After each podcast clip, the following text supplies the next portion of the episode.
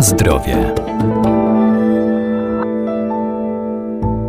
Ziołolecznictwo jest jedną z najstarszych znanych człowiekowi metod wspomagania organizmu w stanach chorobowych. Wiosną wszystkie rośliny budzą się do życia, także zioła, dlatego warto właśnie teraz je zbierać i stosować dla lepszego samopoczucia i poprawy stanu zdrowia.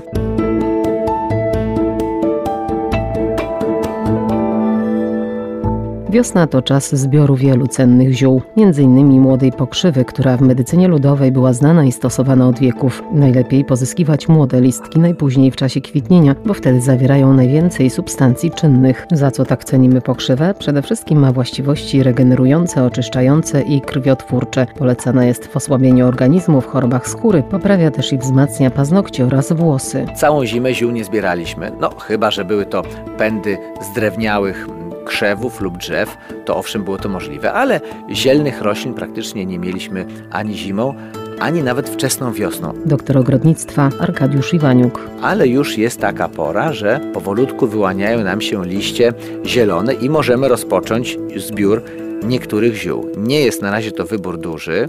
Warto zwrócić uwagę na nasze krajowe gatunki, bo właśnie pojawia się pokrzywa. Jest to gatunek no, znany z różnych szeregu zalet, warto już teraz zbierać młodą pokrzywę. Dlaczego? Otóż młode pędy po pierwsze są jeszcze miękkie, a jednocześnie dosyć soczyste, a pokrzywa to jest ten gatunek, gdzie wartościowym, szczególnie surowcem jest sok, a więc łatwiej nam jest mm, wycisnąć sok na przykład z młodych pokrzyw niż z pokrzyw, które będziemy mieli w lipcu czy w sierpniu.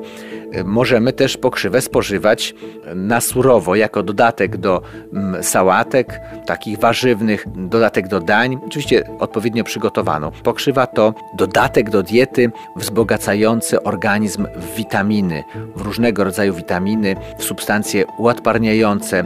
Pokrzywa wzmacnia krew, tak jak się mówi potocznie. Działa oczywiście też i przeciwbiegunkowo, moczopędnie, leczy żylaki, no i jest przede wszystkim polecana przy jakiejś anemii, słabości, awitaminozie, bo dostarcza całego szeregu wspomnianych witamin, związków mineralnych i tych związków czynnych, leczniczych, a więc wzmacnia organizm. Na zdrowie.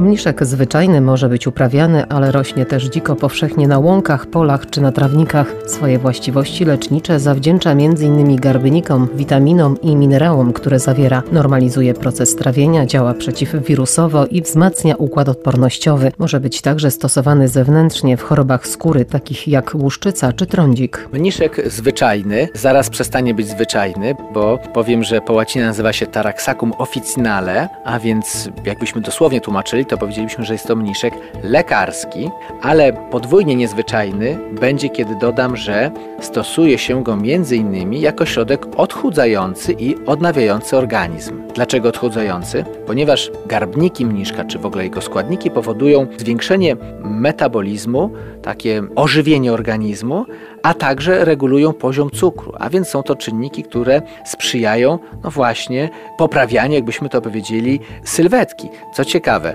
mniszek działa w ten sposób, że poprawia też apetyt, a więc mamy dwa w jednym, bo można z jednej strony więcej zjeść, a otrzymać lepszą sylwetkę. Dlaczego tak się dzieje? Otóż mniszek zawiera bardzo dużo kwasów organicznych, garbników, witamin, ale także, co ciekawe, znaczne ilości rzadkich mikroelementów, takich jak kobalt, mangan, bor, miedź, cynk i żelazo, czyli to, co powoduje, że nasz organizm działa lepiej, działa wydajniej, no właśnie ma lepszy metabolizm, poprawia się jego homeostaza, czyli tą naturalna równowaga organizmu. Co ciekawe, w korzeniach mniszka zawarty jest wielocukier inulina, a więc inny od naszej glukozy. Mniszek lekarski czy mniszek pospolity występuje, no właśnie, pospolicie wszędzie, ale tutaj przestrzegam, jeśli chcielibyśmy z niego przygotowywać sałatkę, czy napar, czy nalewkę, albo jakiś rodzaj syropu, to najlepiej zbierać ze stanowisk naturalnych, które są dosyć czyste, a więc nie z przydrożnych chodników czy skwerów pomiędzy ulicami, ale raczej trzeba by się wybrać gdzieś na wieś, pobliże łąk, pobliże pól i stamtąd rośliny zbierać, które będą służyły nam jako surowiec zielarski.